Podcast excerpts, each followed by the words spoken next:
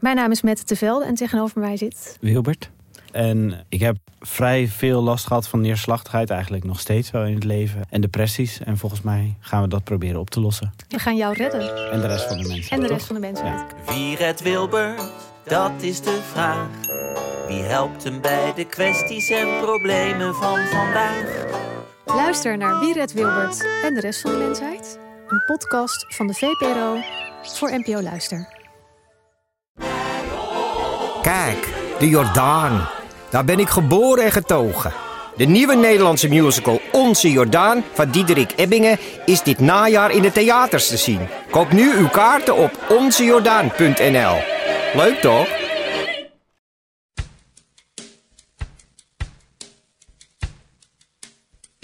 Have I been sleeping? I've been so still, afraid of crumbling. Hallo, vanaf de redactie van de Groene Amsterdammer is dit uw wekelijkse podcast. Ik ben Kees van der Bos. Dismissing all the distant rumbling. Hoe vertel je het grootste verhaal van deze tijd? Take me where I am supposed to be. Ik zie verraste ogen. To comprehend. Nee, zag, nee, ik zag Nou, niet wacht, aankomen. even, wacht even, misschien dadelijk. Cause I need to move.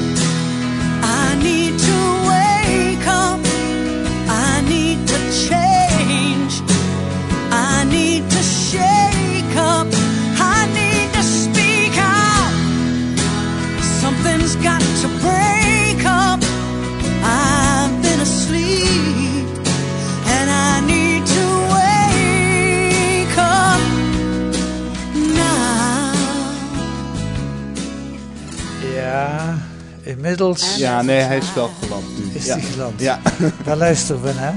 Koen? nou naar een, eh, een soort oproep om wakker te worden, om iets te zien wat zich voltrekt. Ja. Eh, geloof ik. Tenminste, zo had je het bedoeld, denk ik. Ja, ja, ja, maar dit is niet zomaar een nummer. Dit is het nummer van An Inconvenient Truth van Al Gore. Het is waar, ja. Ik zie de beelden nu ook weer voor me. I Need to Wake Up van Melissa Etheridge. En ze won daarmee de Oscar voor het beste lied. Ik ga hem afzetten. Ehm, en de documentaire van Al Gore won in dat jaar, 2007 geloof ik, ook een Oscar voor de beste documentaire. Kijk, die Al Gore die wist hoe je een onderwerp op de kaart moet zetten. Een PowerPoint-presentatie met Hollywood-effecten. Dat komt aan. En dat is een belangrijk moment in het debat over het klimaatprobleem. Jaap Tielbeke, Koen van der Ven en Sal Hagen maakten een reconstructie van 20 jaar berichtgeving in de Nederlandse kranten over het klimaat. En dat levert interessante inzichten op in de rol van de pers als het gaat over het grootste probleem van deze tijd. In de podcast vandaag Jaap Tielbeke en Koen van der Ven. Welkom heren. Dankjewel. Dankjewel. Ehm, nou, laten we het nog even niet over El Gore hebben, dat komt zo wel. Eh, jullie hebben dataonderzoek gedaan, samen met Sal Hagen van de Universiteit van Amsterdam. geloof Klopt, ik, ja. ja. Eh, leg even beknopt uit, wat heb je gedaan? Nou, wat we hebben gedaan Koen. is eh, Ja. gekeken naar 20 jaar eh, klimaatberichtgeving in kranten. En om ons enigszins te beperken hebben we gekeken naar vier kranten. De vier grootste kranten, dus AD, Telegraaf, NRC, Volkskrant. En wat we dus samen met Sal Haag hebben gedaan, de eh, universiteitsonderzoeker, is alle verhalen sinds het begin de- van deze eeuw, waarin klimaatverandering en nog een aantal van dat soort woorden vallen, verzameld om te kijken ehm, hoe vaak ging het erover. Maar misschien nog wel belangrijker, eh, wie waren er in die eh, stukken aan het woord? Of eigenlijk nog specifieker, wie werden er genoemd? Welke Ja. namen kwamen voor in die verhalen? Ja, je krijgt dan Ja. een database van 18.138 artikelen, eh, zie ik staan in jullie stuk. En dan ga je die analyseren. en, en dat deed je met de bedoeling, namelijk. Eh, eigenlijk om erachter te komen, ehm, en dat borduurt denk ik voort op het werk van Jaap. Eh, nou, hij zit naast me, maar de klimaatjournalist van de Groene Amsterdammer, die ook wel vaker eh, hierover schrijft. Maar, en ook wel eens duidend schrijft over het debat en hoe voltrekt zich dat. Maar wij wilden denk ik nu weten, en hij stond ook wel heel lang op ons lijstje, ehm, was er, hoe zat het nou echt? Hè? Was er sprake, je hebt wel eens dat begrip false balance, was er sprake van een valse balans tussen nou, wetenschappers, daadwerkelijke deskundigen of ja, pseudodeskundigen. Daar kunnen we het zo meteen nog over hebben, wat dat precies zijn. En, en dat wilden we misschien een keer kijken of we dat konden kwantificeren. En daarvoor moet je dus weten, wie waren er aan het woord? En dan moet je ook weten, Ehm, en dan hou ik weer op, want als je dus al die namen hebt, moet je dus ook weten, eh want dan heb je allemaal namen. Wat was hun rol? Dus waren het wetenschappers, waren het Ja. activisten, waren het politici? En als ze wetenschappers waren, wat voor wetenschappers? En. Nou ja, dus dat zijn we gaan labelen, ik denk sinds november. Eh, een ontzettend gedoe, allemaal steeds vinkjes zetten en heel veel discussie over namen. Daar hebben we Ja. ook heel veel wetenschappers in betrokken. En, nou ja, dat moet je voorzichtig doen. Ja. En, eh, en natuurlijk heel veel discussie met, eh, dus opnieuw Salhagen van de Universiteit van Amsterdam. Ja. Ja.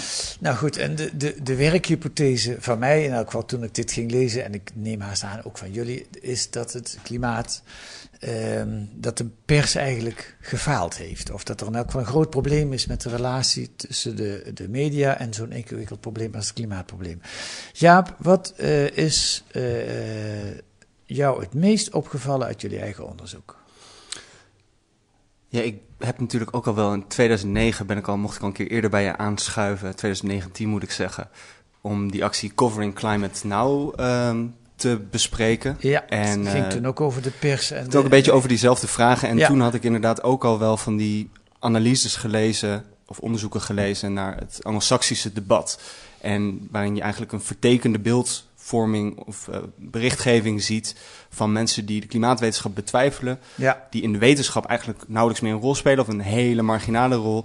Die in de media toch nog een ja, opvallend grote stem krijgen. Dus dat was, zoals Koen net al zei, een van de vragen die we ons hebben gesteld. En daar was het toen al onderzocht hè, in Engeland. Dat was niet Ja. zomaar een gevoel. Maar nu- Nee, nee, daar, daar hebben Ja. echt eh, verschillende universiteiten hebben daar onderzoek naar gedaan. En voor de luisteraars, dat was aflevering 25 trouwens, heb ik nagekeken. Oké. Oké, Heel ja. goed. Ga Voor de verder, liefhebbers, Ga verder. Ja. Eh, dus dat was een van onze deelvragen. Ehm, maar we wilden het echt wel breder trekken dan dat alleen. Want dat is natuurlijk ook een vraag die ik me constant stel. Hoe ga je om met zo'n overweldigend onderwerp, die ook al heel snel weer eh, van de voorpagina verdreven wordt door eh, breaking news, om het maar zo te zeggen. Ja. En wat zijn de valkuilen daarvan? Dus we wilden ook gewoon heel erg ja, praten met collega's, met journalisten, over hoe zij daarmee om zijn gegaan. Hè? Wie laat je aan het woord? Hoe schrijf je daarover? Hoe ga je om met dwarse geluiden? En een van de ja, opmerkelijke conclusies is toch wel, als je het hebt over die, die false balance, dat dat ook in Nederland wel degelijk het geval was. Als je dus, we hebben dus die verschillende categorieën gemaakt. We hebben één categorie heel nauw gekeken. Wie zijn echte klimaatwetenschappers en meteorologen? Dus de groep die eh, zich toelegt op het onderzoek van het veranderende klimaat en de gevolgen daarvan. En hoe vaak komen die in stukken voor in vergelijking met wat wij pseudosceptici noemen, eh, die dus de consensus van het IPCC, het eh, klimaatpanel van de Verenigde Naties, aanvallen. Of Ja, in waarom zeg je niet gewoon sceptici? Nou, dat is een, daar kom ik, kom ik zo op. Maar laat me heel even deze conclusie eh, Ja. uitleggen. Dan zie je dus dat tegenover iedere twee klimaatwetenschappers ongeveer één pseudoscepticus staat.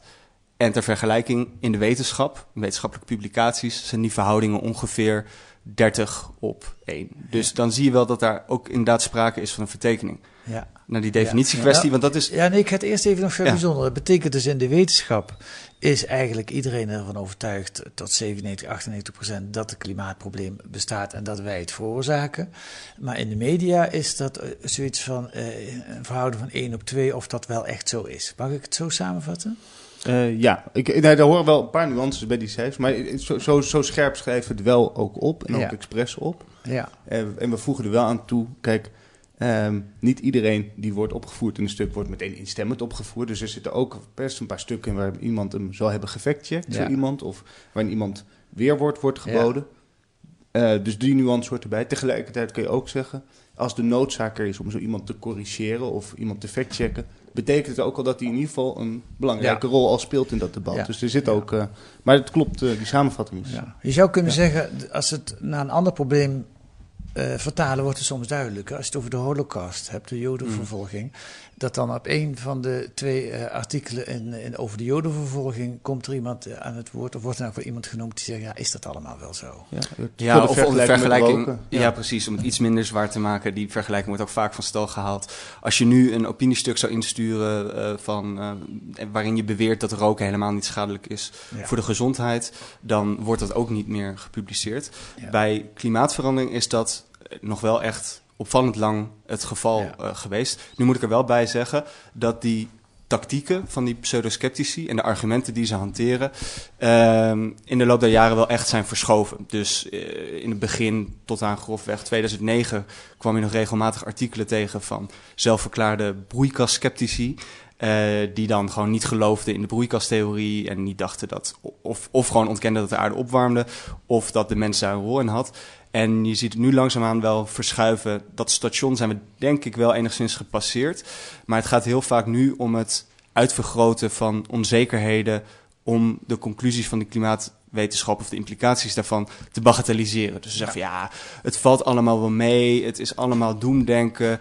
En misschien is het medicijn wel erger dan de kwaal. en dat is wel echt een tendens die de hele tijd terug ziet keren. Op het moment dat iemand zegt, pas op jongens, zoals El Gore, het dreigt helemaal mis te gaan, dan is de instant reflex ook, nou, kom op, laten we niet overdrijven. En onzekerheid die er altijd is binnen de wetenschap, ehm, die wordt in de media vaak uitvergroot, waardoor er denk ik, dat is het gevaar, dat is de valkuil, bij het grote publiek een indruk kan ontstaan van, oh, maar we weten nog helemaal niet of het allemaal wel zo ernstig is. Of ze zijn er nog niet over uit. Ja. ja. Oké, ja, ik, ik, ik, er gaat van alles door mijn hoofd, maar ik ga het gewoon even bewaren. Ik ga naar een fragment eh, waarin je, uh, uh, wat eigenlijk wel een mooi voorbeeld is van hoe, hoe discussies um, in twijfel, of hoe feiten, nee, nee, hoe moet ik het zeggen, hoe berichtgeving in twijfel wordt getrokken. Ik aarzel omdat ik onderwijl dat fragment aan het zoeken ben. Het is een fragment van De Wereld Draait Door in 2009. Ehm, nou, er is wat berichtgeving gekomen over het IPCC, het panel van de, van de Verenigde Naties. En uh, Diederik Samson van de PvdA en uh, Helma Neperes van de VVD zitten in de studio samen met Jan Mulder en natuurlijk Matthijs van Nieuwkerk. Ja, ClimateGate is het inmiddels gaan heten. Het bedrog van de IPCC, de Organisatie van de Verenigde Naties, die informeert over de klimaatsverandering. Gisteren was er een nieuwe onthulling. Volgens de Britse Sunday Telegraph is het belangrijke rapport van de IPCC uit 2007 onder meer gebaseerd op een scriptie van een student aardrijkskunde en een interview met bergbeklimmers. Twee weken geleden werd al duidelijk dat de voorspelling uit hetzelfde rapport dat de gletsjers in het Himalaya-gebergte in 2035 verdwenen zijn, dat is onzin. Een wetenschapper heeft inmiddels toegegeven dat deze onjuiste informatie is toegevoegd om wereldleiders onder politieke druk te zetten. Hoe betrouwbaar is met andere woorden het IPCC. Diederik Samsom namens de Partij van de Arbeid en Helma Neperes namens de VVD. Dit is een raar verhaal. Als politiek zeg je juist, je gaat af op instituten. Daarvan verwacht je toch dat die jou een serieus advies geven. Dit is met een stelligheid verkondigd de afgelopen jaren. Een OW, als je maar enige kritische vragen stelde, had twijfel al aan die e-mails ongeveer, eh, was je ongeveer een ketter aan het uh, zijn. Het, uh, IPCC-rapport deugt niet en is, op, is eigenlijk broddelwerk. Even de feiten. Ik denk dat je achteraf kunt zeggen met de kennis van nu dat het een tamelijk onzinnig bericht was op dat moment. Het was in ieder geval heel groot opgeklopt. Dus wat er gebeurde eind 2009, vlak voordat de klimaattop in Kopenhagen zou plaatsvinden, lagen er in één keer allemaal e-mails op straat van een klimaatinstituut. En daarin werd met een beetje, ja, een beetje neerbuigend gesproken over dissidente stemmen. En de pseudosceptici die grepen dat heel erg aan van zie je wel, het is een vooringenomen kliek. Ze willen niet luisteren naar afwijkende meningen. Uh, dus we kunnen ze niet vertrouwen. Ja, nou, dat was heel snel de stemming. spreekt hier wel ja. heel... En Diederik Samsom zat daar ook als een geslagen hond een beetje bij. En die ja. kon er weinig op dat moment tegen inbrengen. Ja, met een carrière als en klimaatwoordvoerder en bij Greenpeace. Die zat daar echt... Ja, de geslagen hond is altijd perfect. Dat, uh, dus dat je echt, het klopt denk je dan? Ik, ik, ik herinnerde me dit fragment ook nog heel goed. Ook omdat ik... Ik had eerst natuurlijk die film van El Gore gezien. En die had een grote indruk gemaakt. En na dit moment ik herinner me nog dat ook ik begon te twijfelen van hoe ernstig is het nou helemaal? Uh, deugt het allemaal wel, die wetenschappelijke conclusies? En ik ging het voor dit stuk dus weer eens terugkijken. En ik vond het echt een hallucinant uh, interview. Ook omdat je, of item eigenlijk, ook ja. omdat je um, weet nu, naderhand, uh, zijn er ook meerdere onafhankelijke commissies geweest die hebben gekeken van wat is er nou eigenlijk aan de hand. Nou, er waren wel degelijk ook fouten gemaakt, maar het was vooral een hele hoop ruis. Ja. Dus de ophef die ontstond, stond in geen verhouding eigenlijk tot wat er daadwerkelijk aan de hand was. Maar het is heel, die fragmenten hebben we nu niet gehoord, maar wat er dus eigenlijk gebeurt in dat item is een Jan Mulder die dan zegt: Ja, maar het is allemaal bedrog. Hoe weten we dat we niet allemaal voor de gek worden gehouden? Matthijs van Nieuwkerk die de vraag opwerpt... ehm, ja, moeten we ons eigenlijk wel zorgen maken om het klimaat? Waarop die ehm, VVD-politica, Kamerlid eh Helma de Peres zegt... nou, ja, dat weet ik eigenlijk nog net zo niet. Nee. Dus je ziet wat er gebeurt. Ja. Er is een klein beetje onzekerheid of iets aan de hand... en direct wordt het opgeklopt met de vraag... kunnen we die wetenschap nog wel vertrouwen? En Ja. dat is denk ik wel een... Daarom was dit ook echt een. Dat beschrijft ook. Het is, heel interessant. We hebben heel veel mensen gesproken die de afgelopen twintig jaar of als wetenschapper of als journalist betrokken waren. Die noemen eigenlijk bijna allemaal zelfde momenten. En ze noemen ook allemaal deze. En ook heel vaak eh, wordt er dan gezegd: dit was echt het hoogtepunt eh, voor de pseudosceptici, voor de Ja. mensen die dit Ja. in twijfel trokken. Ze hadden Ja. het heel goed aangepakt. Hè? Het, het was heel goed geframed. Het is altijd degene die het eerst met het nieuws komt, die kan het framen. En degenen die daarna komen, die moeten het allemaal maar weer ontkennen. Maar dan moeten ze eerst zeggen wat die eerder gezegd hebben. Ja. En dit was waarschijnlijk ook allemaal goed getimed, vlak voor de conferentie in Het Kopenhagen. was ook een gerichte hack, toch? Dat is Ja, ook wel precies. belangrijk om even te vertellen over waar die e-mails vandaan kwamen. Nou. Want het was geen toeval. Nee, Eh, nee. Het, was niet, het lag niet zomaar op straat. Want waar kwamen ze vandaan dan? Eh, ja, het, een gerichte hack. Ja, het was het. Climate Research Institute. En later bleek dat er dus inderdaad ehm, ja, met bewuste politieke motieven ook die Ja. ehm, e-mails openbaar zijn gemaakt, illegaal Ja. openbaar zijn Ja. gemaakt. Ja. Ehm, met als doel, en dat is ook iets wat je telkens ziet terugkeren, om ja, klimaatbeleid te dwarsbomen. Ja. Nou is dit een vrij extreem voorbeeld. Dit was echt wel keihard in het hart, een pijl in het hart van, eh, van de zaak, die ook eh, ja, eh, keihard aankwam. Maar over het meer in het algemeen kan je zeggen, ehm, de journalistiek leeft ook bij reuring. En Ja. reuring is als er ruzie is, als er Ja. mensen zijn. Dus het feit dat jullie hier met z'n tweeën nu zitten en met elkaar eens zijn, is er heel slecht voor deze podcast. ja, heel saai. Gaat geen mensen naar luisteren. Er kan veel beter iemand bij zitten die zegt dat, dat, dat de Groene echt ongelooflijk liegt en bedriegt. En Ja. dan, heb je, dan heb je reuring. Dat is ook een, volgens mij een, een van de oorzaken. Die, Ja, die van- nou dat is ook, we hebben net heel erg beschreven wat het, kwanti, eh, eh, eh, het kwanti, kwantitatieve onderzoek was, het data-onderzoek. Ja. En het kwalitatieve onderzoek was ook denk ik heel erg een gesprek met collega's van die verschillende redacties. Om eigenlijk dit toch te onderzoeken van hoe hebben jullie dit zelf ervaren en hoe kan het dat die cijfers er zo uitzien. En ehm, ik denk ook, en dat waren eigenlijk, vond ik, hele leuke gesprekken. Omdat je juist ook best veel. eh, eh, nou, dat, dat is ook wel goed om te zeggen. De journalisten die we spraken van de verschillende kranten. Die waren ook best wel zelf kritisch op een redactie, op dynamieken binnen die redactie. Mhm. En zijn ook eigenlijk stuk voor stuk ook eigenlijk hele goede journalisten. Dus dan is het nog interessanter van hoe kan het nou dat... Hè, we spreken ook mensen die al sinds begin deze eeuw er wel mee bezig waren. Sommigen stapten pas later in op dit dossier. Ehm, van ja, hoe kan het nou dat dit zo, la- eh, zo laat pas doordrong? En Ja. dan kom je wel tot...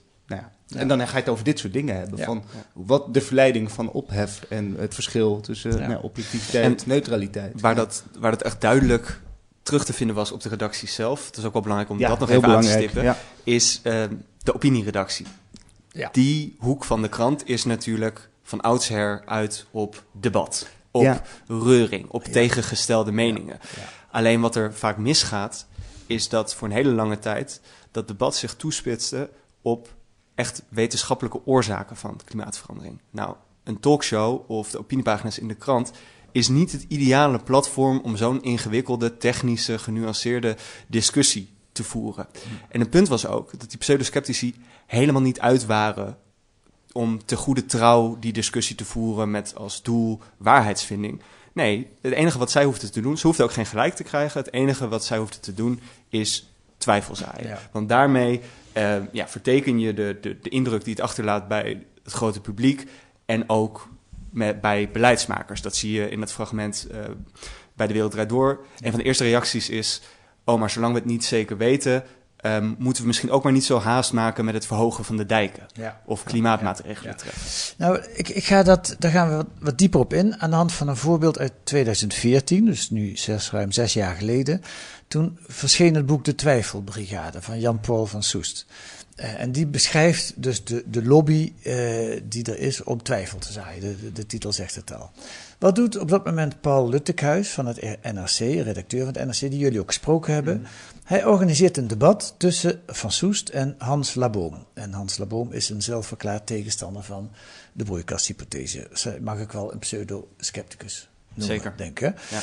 Ehm, jullie hebben Paul Luttekhuis gesproken. En hij zegt, dat zou ik nu niet meer doen, zo'n debat organiseren. Dat, dat is ook de zoektocht voor heel veel van die journalisten geweest, van hoe ga je hiermee om? Dat, Waar- waarom ja. deed hij toen wel? Want hij zei, nam ook niet helemaal afstand Nou, van dat ook hij toen wel gedaan Ook wel had. vanuit, denk ik, dat ideaal wat, denk ik, eh, van, nou, als we maar gewoon de feiten op tafel leggen, en dat grijpt denk ik terug op wat jij net zei, als we maar gewoon de feiten presenteren, als we gewoon het gesprek gaan dan zien die mensen ook wel in, oh, het zit zo, en dan geef je elkaar een hand en dan komt het goed. En dat, Ja. dat hebben we in heel veel interviews teruggehoord, dat er in, aanvankelijk bij heel veel journalisten die zich met het thema bezig hielden, die hoop was van feiten zijn wel genoeg. Het komt wel goed. En dan gaan we Ja. gewoon in gesprek en hebben we dialoog, wat natuurlijk ook de prijs is. Ja. Nou, en daar zijn ze wel van teruggekomen. Wat trouwens nog wel even belangrijk is om te benadrukken, is dat hij dat deed op een klimaatblog. Ja. En die werd ook echt gevolgd door Ja. geïnteresseerden. Dus hij zei ook direct, ik zou dit niet in de krant hebben gedaan. Maar wat ik ook een interessantere vraag vind, is waarom deed Jan-Paul van Soest daaraan mee? Want hij heeft net een boek geschreven Ja. waarin hij die strategieën eigenlijk perfect weet op te tekenen. Dus ik heb hem dat ook gevraagd en hij zei van ja, ik ben toch wel nog steeds heel erg vanuit, ik- destijds zeker, vertrok Ja. ik heel erg vanuit de houding van ja, je moet elkaar wel gewoon als mensen blijven zien. Dat betekent ook het gesprek aan blijven gaan. Maar hij kwam Ja. er toen ook al heel snel achter eh, dat dat, nou ja, dus deze vorm of überhaupt eh, bracht het een inhoudelijk niet dichter bij elkaar. Nee. Dus hij zei, als ik het nu opnieuw zou moeten doen, zou ik veel meer op zoek gaan naar de drijfveren in plaats van inhoudelijk die confrontatie te zoeken. Ja, ja. Het grappige is dus, allebei kijken ze er met, nou, op zijn minst met gemengde gevoelens op terug. Zowel de redacteur Paul Luttekhuis als Jan-Paul van Soest. Hans Ja. Leboom, hebben jullie niet gesproken hierover? Nee, nee we hebben ook, daar hebben we het best lang over gehad. Want we hebben, eh, nou, het valt ook in, gaan we wel niet lang over, in een soort serie die we bij de Groene Amsterdammer doen. Die Daad en Debat heet, waarmee we vaak ook juist praten met dat soort mensen. Ja. Maar dit stuk gaat echt heel nadrukkelijk over journalisten en over de rol van media. Dus we hebben ons nu even wel beperkt tot gewoon de mensen die, laten we zeggen, de spreektijd verdelen. Of Ja. die bepalen wie er wel of niet in de krant verschijnen. Eh, dus ja, dat vandaar. Goed, gaan we naar. Kijk, aan de ene kant werd ik ook alweer een beetje vrolijk van jullie. eh, toch wel eh triest, trieste analyse over de pers. In die zin, eh, er is een hoop gebeurd. In de afgelopen 15 jaar, 20 jaar is er veel misgegaan. Maar uiteindelijk komt nu de, de laatste jaren wel toch wel heel erg het besef bovendrijven dat er een groot klimaatprobleem is. De grote kranten zijn daar tamelijk eenstemmig over. Ja. Behalve de grootste krant van Nederland, de Telegraaf. Eh, en dan wil ik toch eerst voor we daarover gaan praten, de hoofdredacteur aan het woord laten, die daar het volgende over zegt. Niemand weet, eh, en mensen die dat wel denken te weten, die spreken wat mij betreft eh, niet de waarheid. Niemand weet hoe groot de rol van de mens exact is. De vraag die voor ligt is, eh, is het pakket maatregelen wat Nederland nu wil treffen, waarbij het met name om symboolpolitiek gaat. Hè? De impact op de opwarming van aarde is zo klein dat je gewoon kan spreken van symboolpolitiek. Kijk, dit is eh, anderhalf jaar geleden opgenomen van, een, een, een- van de site van de Telegraaf. Dus daar zegt de hoofdredacteur twee dingen. Niemand weet hoe groot de rol van de mens is. Dat is een, een, een, daarmee gaat hij in tegen 97% van de wetenschap, want dat weten we wel. Nooit met 100% zekerheid, want zo is de wetenschap nou eenmaal. En het tweede wat hij doet is nog slimmer eigenlijk. Hij zegt, ja oké, maar als we dan kijken naar de rol van Nederland, dat scheelt 0,003 geloof ik naar 3000ste graad als wij allemaal onze CO2 omlaag doen. Dus jongens, waar hebben we het nou helemaal over? We zijn zo'n klein landje. Dat is eh, slimmere ondermijning, want je kan denken, ja, ja, daar zit natuurlijk wel wat in. Ja, Ja, ik- het is, ja. Jaap. Nou ja, misschien is het ook goed om even te beginnen bij, ehm, bij de bevindingen van de, de, de vergelijking tussen de verschillende kranten. Dus je Ja. zegt terecht dat de laatste jaren duiken ehm, de pseudosceptici vaker op op de pagina's van de Telegraaf in vergelijking met andere kranten waar ze bijna geen podium ehm, meer krijgen. We hebben overigens ook gevraagd of de Telegraaf daarover met ons in gesprek wilde. Ehm, die hebben het afgedaan met een schriftelijke reactie waarin ze ons onderzoek sterk bevooroordeeld eh, noemden, omdat wij zo'n term hanteren als pseudosceptici, waar we zo meteen nog wel even over kunnen praten. Oké. Ehm, maar ja, wat je hier dus ziet, is dat de Telegraaf volgens mij ook heel duidelijk een soort tegengeluid, tegenwicht wil bieden. Van we lopen met z'n allen mee met de noodzaak van klimaatmaatregelen, maar wij gaan daar vraagtekens bij Ja. plaatsen. En ten dele is dat best terecht. Zij hebben ten tijde van die onderhandelingen over het klimaatakkoord ook keer op keer de vraag opgeworpen: ehm, hoe verdeel je de kosten van die maatregelen? Wat volgens mij een hele belangrijke, legitieme politieke vraag is. Ja. Alleen het, ehm, ja, het helt al snel over naar artikelen waarin mensen uh, aan het woord worden gelaten of manifesten uh, over worden bericht, die niet helemaal volgens de spelregels van de wetenschap gaan. Ja. Door wat ik zo jammer vind, dat was ook wel het ding, je, je zei het al, kijk, we hebben juist, dit artikel is niet, het was geen, uh, voor ons is dit geen manier om, laat ik zeggen, 20 jaar klimaatverslaggeving en dan gaan we even iedereen de maat nemen. Of we Nee. gaan nu een ranglijst maken van hoe heb je het gedaan en rapportcijfers uitdelen. Dat is eigenlijk niet de, eh, echt juist niet, eh ik bedoel, we zijn zelf journalisten, ik snap eh, heel erg goed hoe ingewikkeld klimaatjournalistiek Ja. is, omdat ik er nu één keer aan heb mogen ruiken en het is ook ingewikkeld. Dus wat ik zo leuk vond in die andere gesprekken, is dat het veel meer ging over hoe maak je afwegingen, hoe doe je die gesprekken op de redactie. Ja. En dat is natuurlijk het gesprek wat we ook gewoon met de Telegraaf hadden willen hebben. Van, eh, nou ja, van, ligt die keuze maar toe. Ik bedoel, misschien die kostendiscussie is ook belangrijk. Daar is best, eh, is best wat voor te zeggen dat je daar misschien extra nadruk op legt. En, maar ja, dat is dus niet gebeurd. Dat is de enige klant die dus niet meesprak voor dit, eh, voor dit verhaal. Nee. Oké, en, en nou even over jullie bevooroordeeld zijn. Dat pseudo-sceptici, dat, dat vonden ze bevooroordeeld. Hoe hebben jullie die term gebruikt? Of wat is, wat, wat is die term voor jullie? Ja, die term die ontlenen we aan eh, klimaatwetenschapper Bart Verheggen. Die we ook eh, hebben gesproken voor dit stuk. En hij heeft ook een blog waarin hij zich als een soort eh, officieuze ombudsman van de klimaatjournalistiek opwerpt. Waarin hij constant eigenlijk factchecks doet als hij ziet dat het misgaat in de mediaberichtgeving. Wat is hij? Klimaatwetenschapper aan de Aan universiteit? de ja, University University, College. College Ja, in Amsterdam. En ehm, zijn redenering, en die volgen wij dus, is... Kijk, eigenlijk zegt hij... Skepsis, sceptisch zijn, is een hele gezonde wetenschappelijke houding. Als het goed is, is het wetenschappelijke proces daar een van hypothesen formuleren, die kritisch toetsen en zo kom je tot telkens robuustere conclusies. Heel Nou, mooi samengevat in die zin van hem, wetenschap is georganiseerde sceptisch. Ja. Dat Ja. is het doel. Ja. Ja. Ja. Ja. Dus, dus nou, van klimaatverandering en het aandeel van de mens daarin, er zijn weinig wetenschappelijke conclusies zo robuust als die. Ja. Daar zijn, eh, ik bedoel, veel meer zekerheid in de wetenschap ga je gewoon niet krijgen. Ja. De mensen die dat telkens betwisten en aanvallen, die zijn dus niet daadwerkelijk sceptisch, zijn niet daadwerkelijk uit op waarheidsvinding, maar die zijn juist doof voor dat soort tegenargumenten. Die volgen ook niet de wetenschappelijke spelregels, zou je kunnen zeggen. Dus vandaar dat hij liever spreekt over ehm, ja, pseudo-sceptici. En die term hebben wij overgenomen. In veel berichtgeving gaat het over klimaatskeptici, wat aanvankelijk ook een term was die sommige mensen gebruikten om zichzelf aan te duiden. En dat heeft Mhm. natuurlijk iets heel nobels. Hè? Je bent sceptisch, ja, dat, dat klinkt... Wat, wat, wat kan daar nou mis mee zijn? Maar je ziet dat, ja, zijn uit op het zaaien van twijfel en het Ja. verdacht maken van die klimaatconsensus. Ja, ja, ja dus de pseudo-sceptici slaat erop dat je sceptisch bent, maar eigenlijk een andere agenda hebt. Nou ja, niet, Nou ja, niet je sceptisch in de zien- kern van, of in de zin van het woord. Want Als ja, als, jij langs een, ja, sorry, als je langs een gigantische boekenkast loopt en je negeert alle wetenschap die daarin staat en je loopt alleen maar naar het plankje waar eh, die mapjes in zitten die jouw stelling eh, onderschrijven. Mhm. Daarvan zegt Bart Verheg, en ik vind dat echt een hele interessante definitie, dan ben je niet werkelijk sceptisch, maar dat is een, dan meet je zelf een sceptische houding aan. Maar die is niet werkelijk sceptisch. Want als je echt een juiste vorm van sceptisch bedraagt, dan lees je die hele boekenkast en ga je daar op zoek naar de Ja. onzekerheid. Ja. Nou, daar, daar, daar zit het in. Ik weet niet of jij het daarmee eens bent met die samenvatting. Nee, zeker. Ja. Ja. Oké, nog twee dingen, want we gaan alweer eh eh over de tijd. Eén is het argument van Paul Jansen, eh, moeten we toch ook even eh, ruimte geven. En daar wil ik jullie reactie op horen. Wij zijn maar een klein landje. Als Nederland zijn CO2-uitstoot vermindert, stelt in de wereld geen reet voor. Waarom zouden we dat dan doen? Ja, dat is een soort prisoners dilemma wat hij schetst van ja, maar dat is, boel, je kan ook dat wel doen en je dan ook als Nederland ervoor inzetten dat je dat met z'n allen doet. En daar komt volgens mij trouwens ook nog bij, kijk, dit argument zou misschien wel wat zijn als we de enige waren die hier voorop zouden lopen.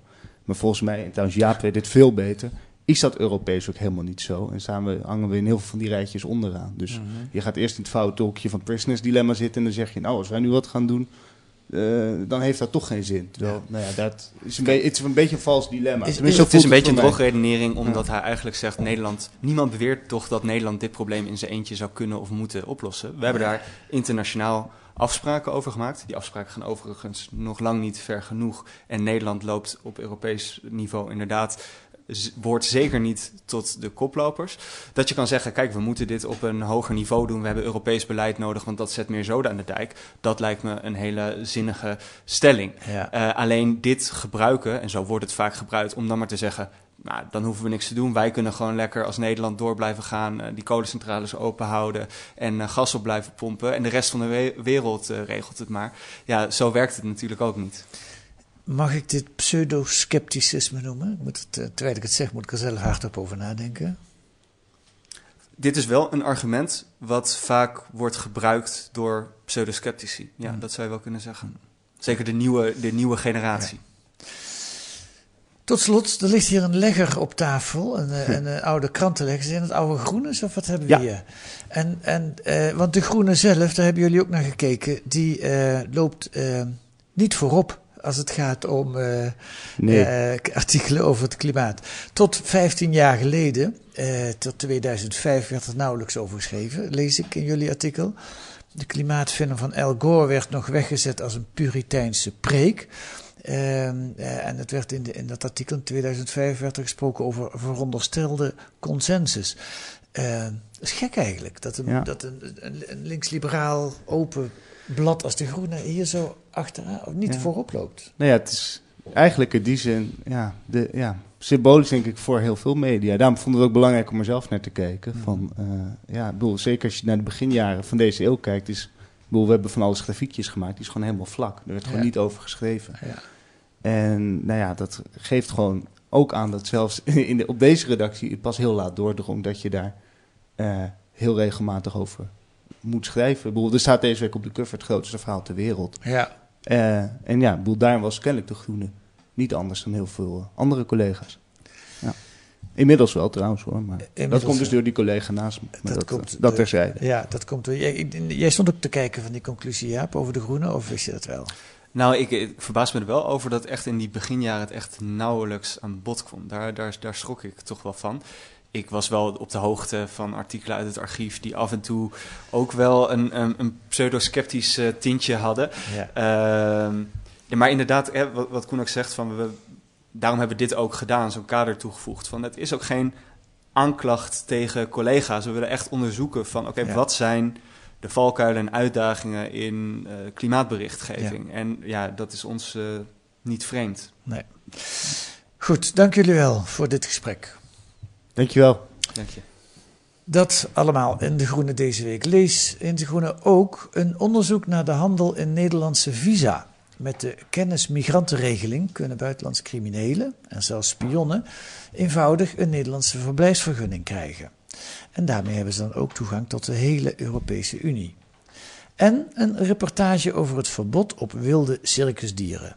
Booba, de olifant, mag blijven bij Circus Vrijwald. Maar dat besluit laat zien hoe wij worstelen met de dier in ons midden. Lees dat met een abonnement of een proefabonnement. Voor 15 euro krijgt u 10 weken de groene. Dat is te vinden op groene.nl.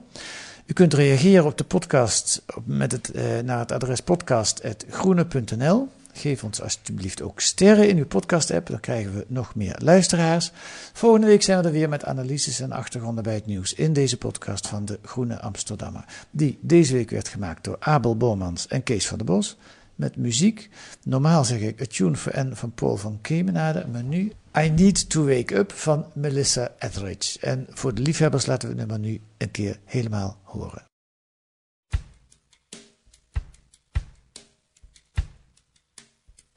Have I been sleeping? I've been so still, afraid of crumbling. Have I been careless? Dismissing all the distant rumblings. Take me where I am supposed to be. To comprehend the things that I can't see. Cause I need to move.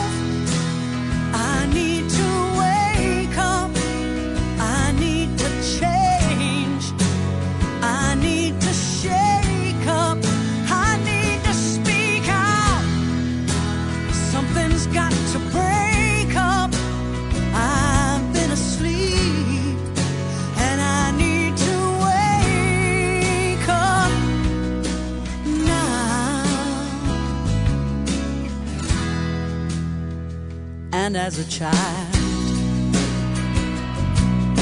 I danced like it was 1999. My dreams were wild. The promise of this new world would be mine.